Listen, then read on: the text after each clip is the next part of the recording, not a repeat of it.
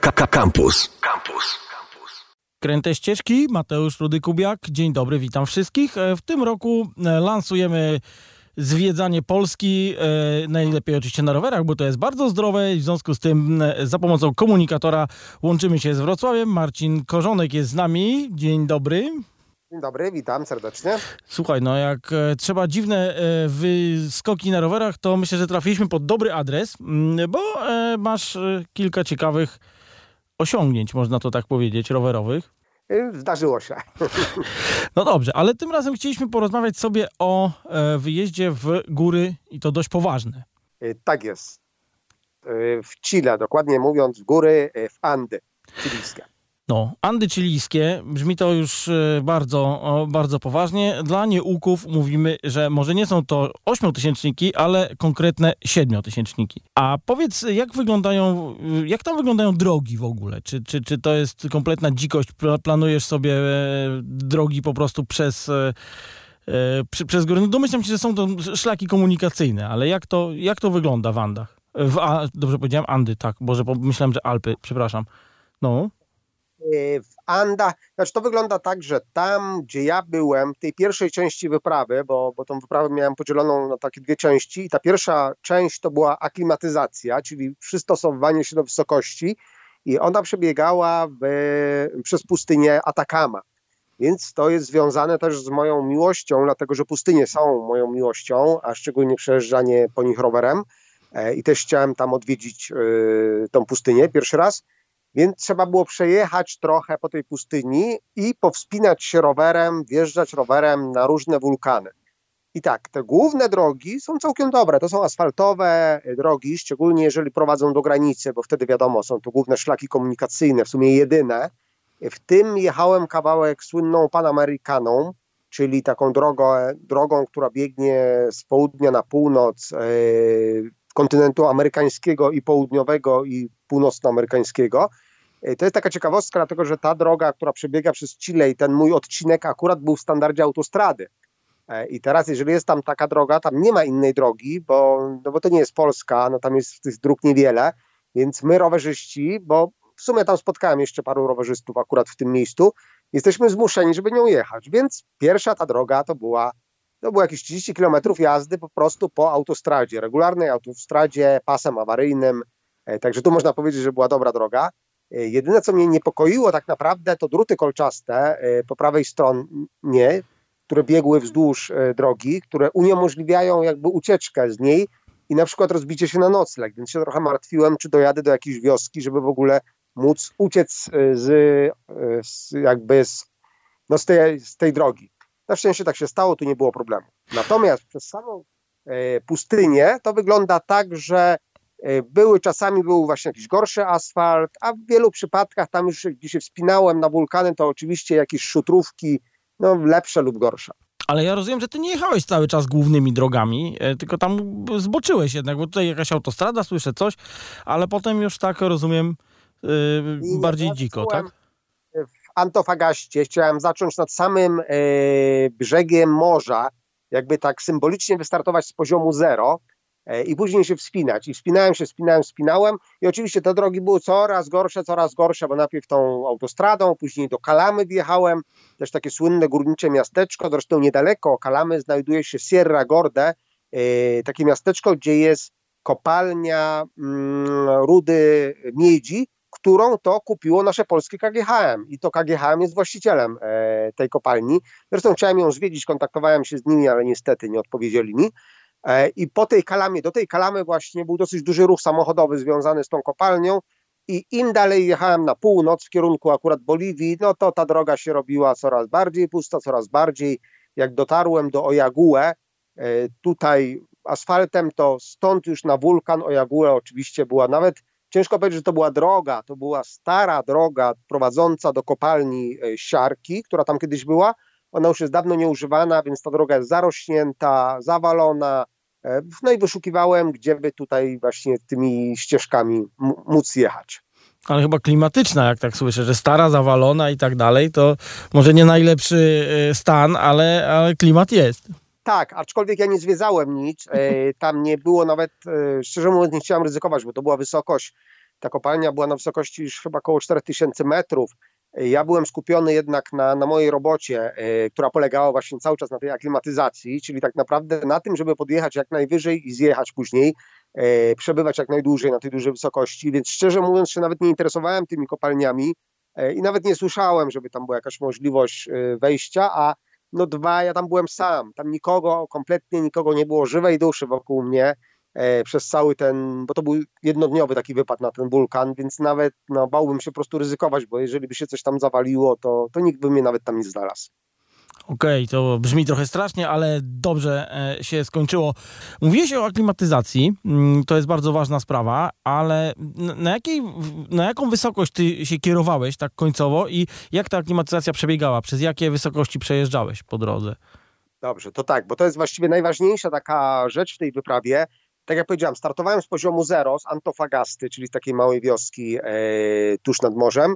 E, później Kalama była 2300 metrów i to było mniej więcej tam 200 kilometrów i później ta kolejne 200 kilometrów miałem 3500 metrów i później podjazd właśnie pod wulkan Ojagułę, gdzie mi się udało tam wjechać na 4000, w sumie jakieś 4500, a ja, moim celem było wjechanie pobicie jakby światowego rekordu mm, wysokości, na jaką wjechał rowerzysta, który teraz nieoficjalnie wynosi 6200 metrów, 233 metry, nie udało mi się osiągnąć tej wysokości. Ja wjechałem na 5900 metrów, co, no, co też generalnie jest dosyć e, du dużym wynikiem. E, ja to zrobiłem już później, w tej drugiej części wyprawy, jak już byłem zaklimatyzowany, to jeszcze daleko, bo tak naprawdę cała ta wyprawa trwała ponad no, 50 dni. E, I ta aklimatyzacja polegała właśnie na tym, że sobie wjeżdżałem na ten wulkan, który się znajdował zupełnie kilkaset kilometrów e, w innym regionie kraju. Wjeżdżałem na te 4500, później wróciłem na nocleg 3500 e, metrów, spałem, no a później jeszcze były wydarzenia związane ze szpitalem, ale to, to jest inny temat. Później znowu gdzieś przejechałem, znowu wjechałem na wysokość 5000 metrów, spałem na 5000 metrów, później zjechałem na 3500 metrów, i tak dalej. I aklimatyzacja właśnie polega na tym, żeby wjechać trochę wyżej, zjechać ciut niżej, spać, wjechać jeszcze wyżej, zjechać ciut niżej, spać. Taki schodkowy schemat, to jest taki typowy schemat aklimatyzacyjny stosowany przez Himalajstów. Ja się kierowałem oczywiście y, tą wiedzą y, od Himalajstów i to się świetnie sprawdziło, bo ja po prostu bardzo długo się aklimatyzowałem.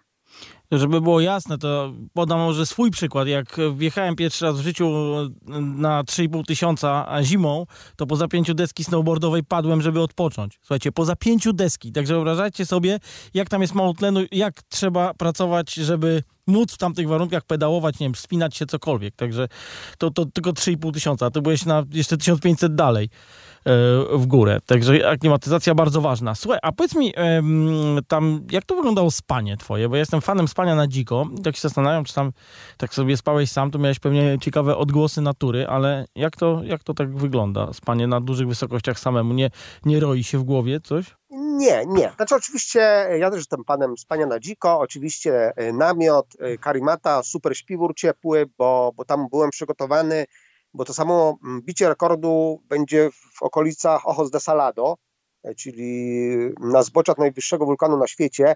I tam musiałem być przygotowany na temperatury mniej więcej na minus 10, minus 15, no powiedzmy w ekstremalnej sytuacji do minus 20 byłem przygotowany, że jeżeli się zdarzy, to, to spokojnie też się prześpię, więc ten śpiwór puchowy musiał być solidny. Namiot też miałem specjalny, też nie mogłem wziąć jednego z moich namiotów, bo, bo muszę mieć ich kilka, tylko musiałem kupić kolejny, dlatego że on musiał być dostosowany do bardzo silnych wiatrów. Ojos de Salado e, i w ogóle tam ten region słynie z piekielnie silnych wiatrów i faktycznie jak ja tam e, dojeżdżałem, no to była masakra. Po prostu znaki drogowe były powalone. Połowa znaków leżała po prostu na ziemi płasko, e, powalona przez wiatr. Y, ale ja miałem w sumie szczęście, bo na samym tym podjeździe na wulkan w sumie nie wiało jakoś tam mocno, ale namiot był przygotowany na 100, 100 km na godzinę i to był taki namiot stosowany przez, przez Himalajistów właśnie na taki szczytowe. E, więc namiot, śpiwór, wiadomo, karimata. Jeżeli chodzi o noclegi, no zero problemów. Y, na pustyni, na takich w ogóle pustkowiach, no to, no to nikt nam nie przeszkodzi, ani razu nawet nie, nikt nie podszedł nie miałem żadnych wizyt. Y, tak samo ze zwierzętami nie ma problemu tam, bo tam w sumie nie ma jakichś jadowitych specjalnie zwierząt, więc bardzo, bardzo fajnie, bezpiecznie. Jedyna rzecz, no to woda. No to jest pustynia. Przy tych wulkanach, bo później jak byłem niżej, to tam formalnie już nie ma pustyni Atakama, ale tam wszędzie jest piekielnie sucho i nigdzie nie ma wody. To jest największy problem. A powiedz, jaką miałeś różnicę temperatur pomiędzy dniem a nocą? Wiemy, że nocą do minus 15 mogło dojść, czy nawet 20, a w dzień jak to wyglądało?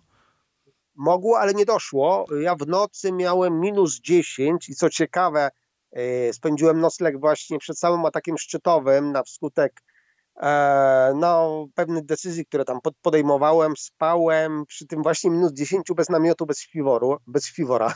To? Tylko sami... Tak, to wynikało z tego, że mm, trochę, trochę skomplikowana rzecz. W momencie jak, albo może później, w drugiej części wrócimy do tego Ojos de Salado, żeby już tak, troszkę nie... Znaczy tak, to wróćmy do początku, bo e, najpierw się aklimatyzowałem e, i to trwało kilka tygodni, jeździłem po tej pustyni Atacama, wjeżdżałem na poszczególne wulkany, na właśnie Ojaguę, na Chachnantor i później to tak naprawdę było przygotowanie, aklimatyzacja pod ostateczny atak, który się e, odbył od miejscowości Copiapo do właśnie na zbocza wulkanu Ojos de Salado.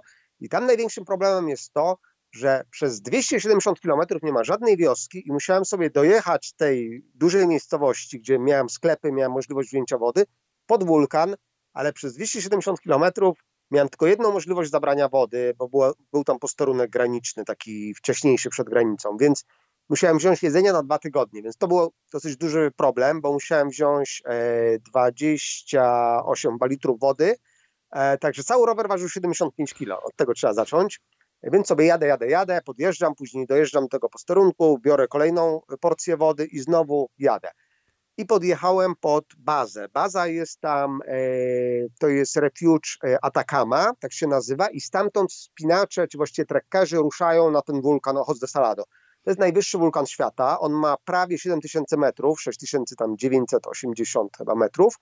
E, I tam jest całkiem popularnym szczytem wśród trekkerów. Jest to powiedzmy taki bardzo wymagający trekking, ale nie jest to wspinaczka. Więc jest to dosyć łatwy szczyt dla kogoś, kto chciałby no, prawie dojść do tej bariery 7000 metrów. E, I zostawiłem namiot w tej bazie. Pierwszy wyjazd w górę zrobiłem na 5600 metrów aklimatyzacyjny i zjechałem w dół, wróciłem znowu do bazy i znowu następnego dnia wjechałem, znowu chciałem aklimatyzacyjnie, ale była tak trudna droga. Ten pierwszy odcinek drogi był piaszczysty, a moim celem było wjechanie rowerem, nie wniesienie tego roweru, nie wepchanie tego roweru. Mi nie wolno było nic z tym rowerem robić, e, przenosić, pchać. Musiałem jechać na nim. I był tak fatalny stan nawierzchni, taki duży piach, że jak sobie pomyślałem, że ja znowu muszę wrócić do tej bazy i trzeci raz się przedzierać przez to, to stwierdziłem, że ja zostaję na tej wysokości i następnego dnia zaatakuję tą właściwą wysokość, a mogłem, bo na wysokości 5800 metrów był taki schron, Refuge Techos e, i tam były prycza. I stwierdziłem, że tam zostaję na noc. Jedyny problem był taki, że nie miałem śpiwora, no bo nie przewidywałem e, noclegu. Miałem puchówkę, na szczęście miałem niesamowitą puchówkę Cumulusa, taką bardzo grubą, więc otuliłem się nią, nogi włożyłem do sakwy, Ubrałem wszystko oczywiście, co miałem, bo miałem tam dodatkowe ubranie jakieś tam. E, znalazłem jakąś taką derkę starą, przykryłem się, no i wegetowałem. E, Ale pospałeś Generalnie... coś?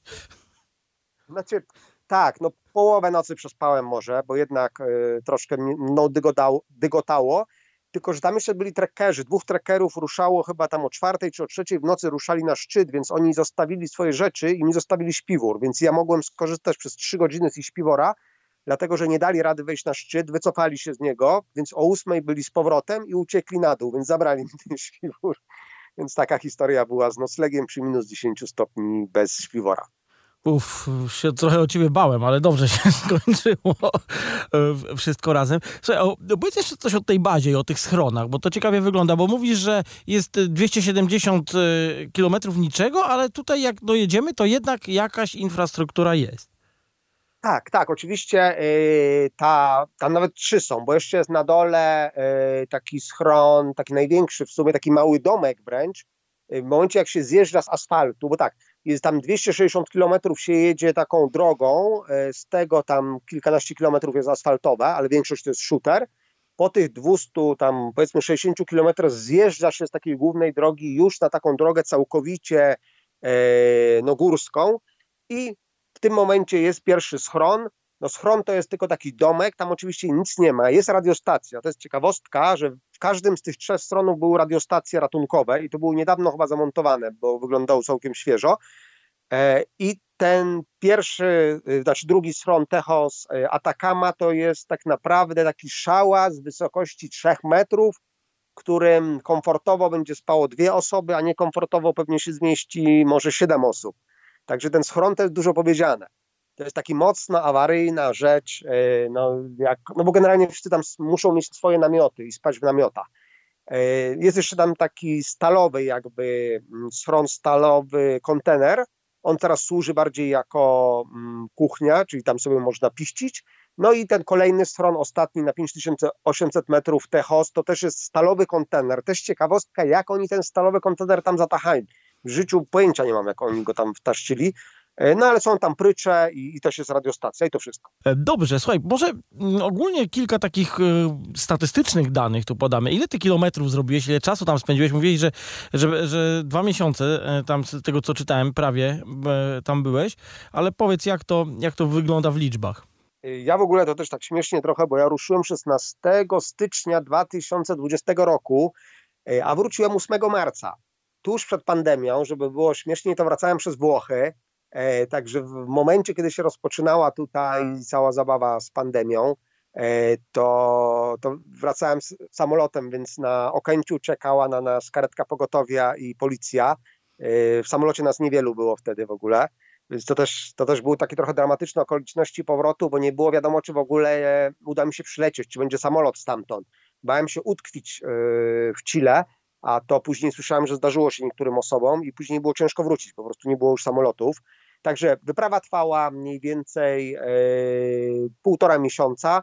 Jeżeli chodzi o kilometry, to wyszło tego jakieś chyba 1300 kilometrów z tego co pamiętam. Także nie tak dużo, to mniej więcej było średnio 50 kilometrów dziennie. I tak sobie założyłem i tak faktycznie wyszło. A powiedz mi, czy ty wiedziałeś, co się dzieje na świecie, jak tam byłeś? Miałeś jakiś dostęp do informacji, czy tak sobie beztrosko skigałeś po górach, a tu nagle zjeżdżasz i pandemia? Nie, nie aż, tak, aż tak źle albo dobrze. Dobrze chyba. Było, że... No, jak to wyglądało? E, generalnie mm, w Chile jest całkiem dobry dostęp do internetu. Ja miałem lokalną kartę, e, ale przede wszystkim miałem tak zwanego spota. To jest bardzo ciekawe urządzenie. To jest taki nadajnik satelitarny, komunikator satelitarny Spot X, e, który umożliwia mi za pomocą łącza satelitarnego mm, wysyłanie i odbieranie SMS-ów. Nie da się rozmawiać, to nie jest telefon satelitarny, bo telefon jest droższy. Natomiast mogę się wymieniać SMS-ami, więc od mojej dziewczyny przyszłej żony właśnie, e, jakby wiedziałem wszystko, tak, byłem stale w kontakcie, tam gdzie miałem zasięg internetu, no to po prostu e, łapałem i, i, i nawet no, mogłem sobie czytać, także nie, nie było problemu. Zresztą e, tak jeżdżąc po świecie, naprawdę ciężko znaleźć miejsca, gdzie nie ma zasięgu telefonii i internetu. Tam oczywiście pod Ochos de Salado nie było, tam miałem tylko zasięg satelitarny. No dobrze, już się bałem, ale to by było z drugiej strony ciekawe, że wracasz sobie nagle i takie bum, po prostu wpadasz w zupełnie inny świat, który się trochę zmienił przez dwa miesiące. Mogłoby to być interesujące. Dobrze, to jeszcze raz, e, a wysokości, e, bo mówiłeś, że chciałeś pobić rekord, e, to może powiedz, do kogo należy ten rekord i na ile ty się zbliżyłeś do niego?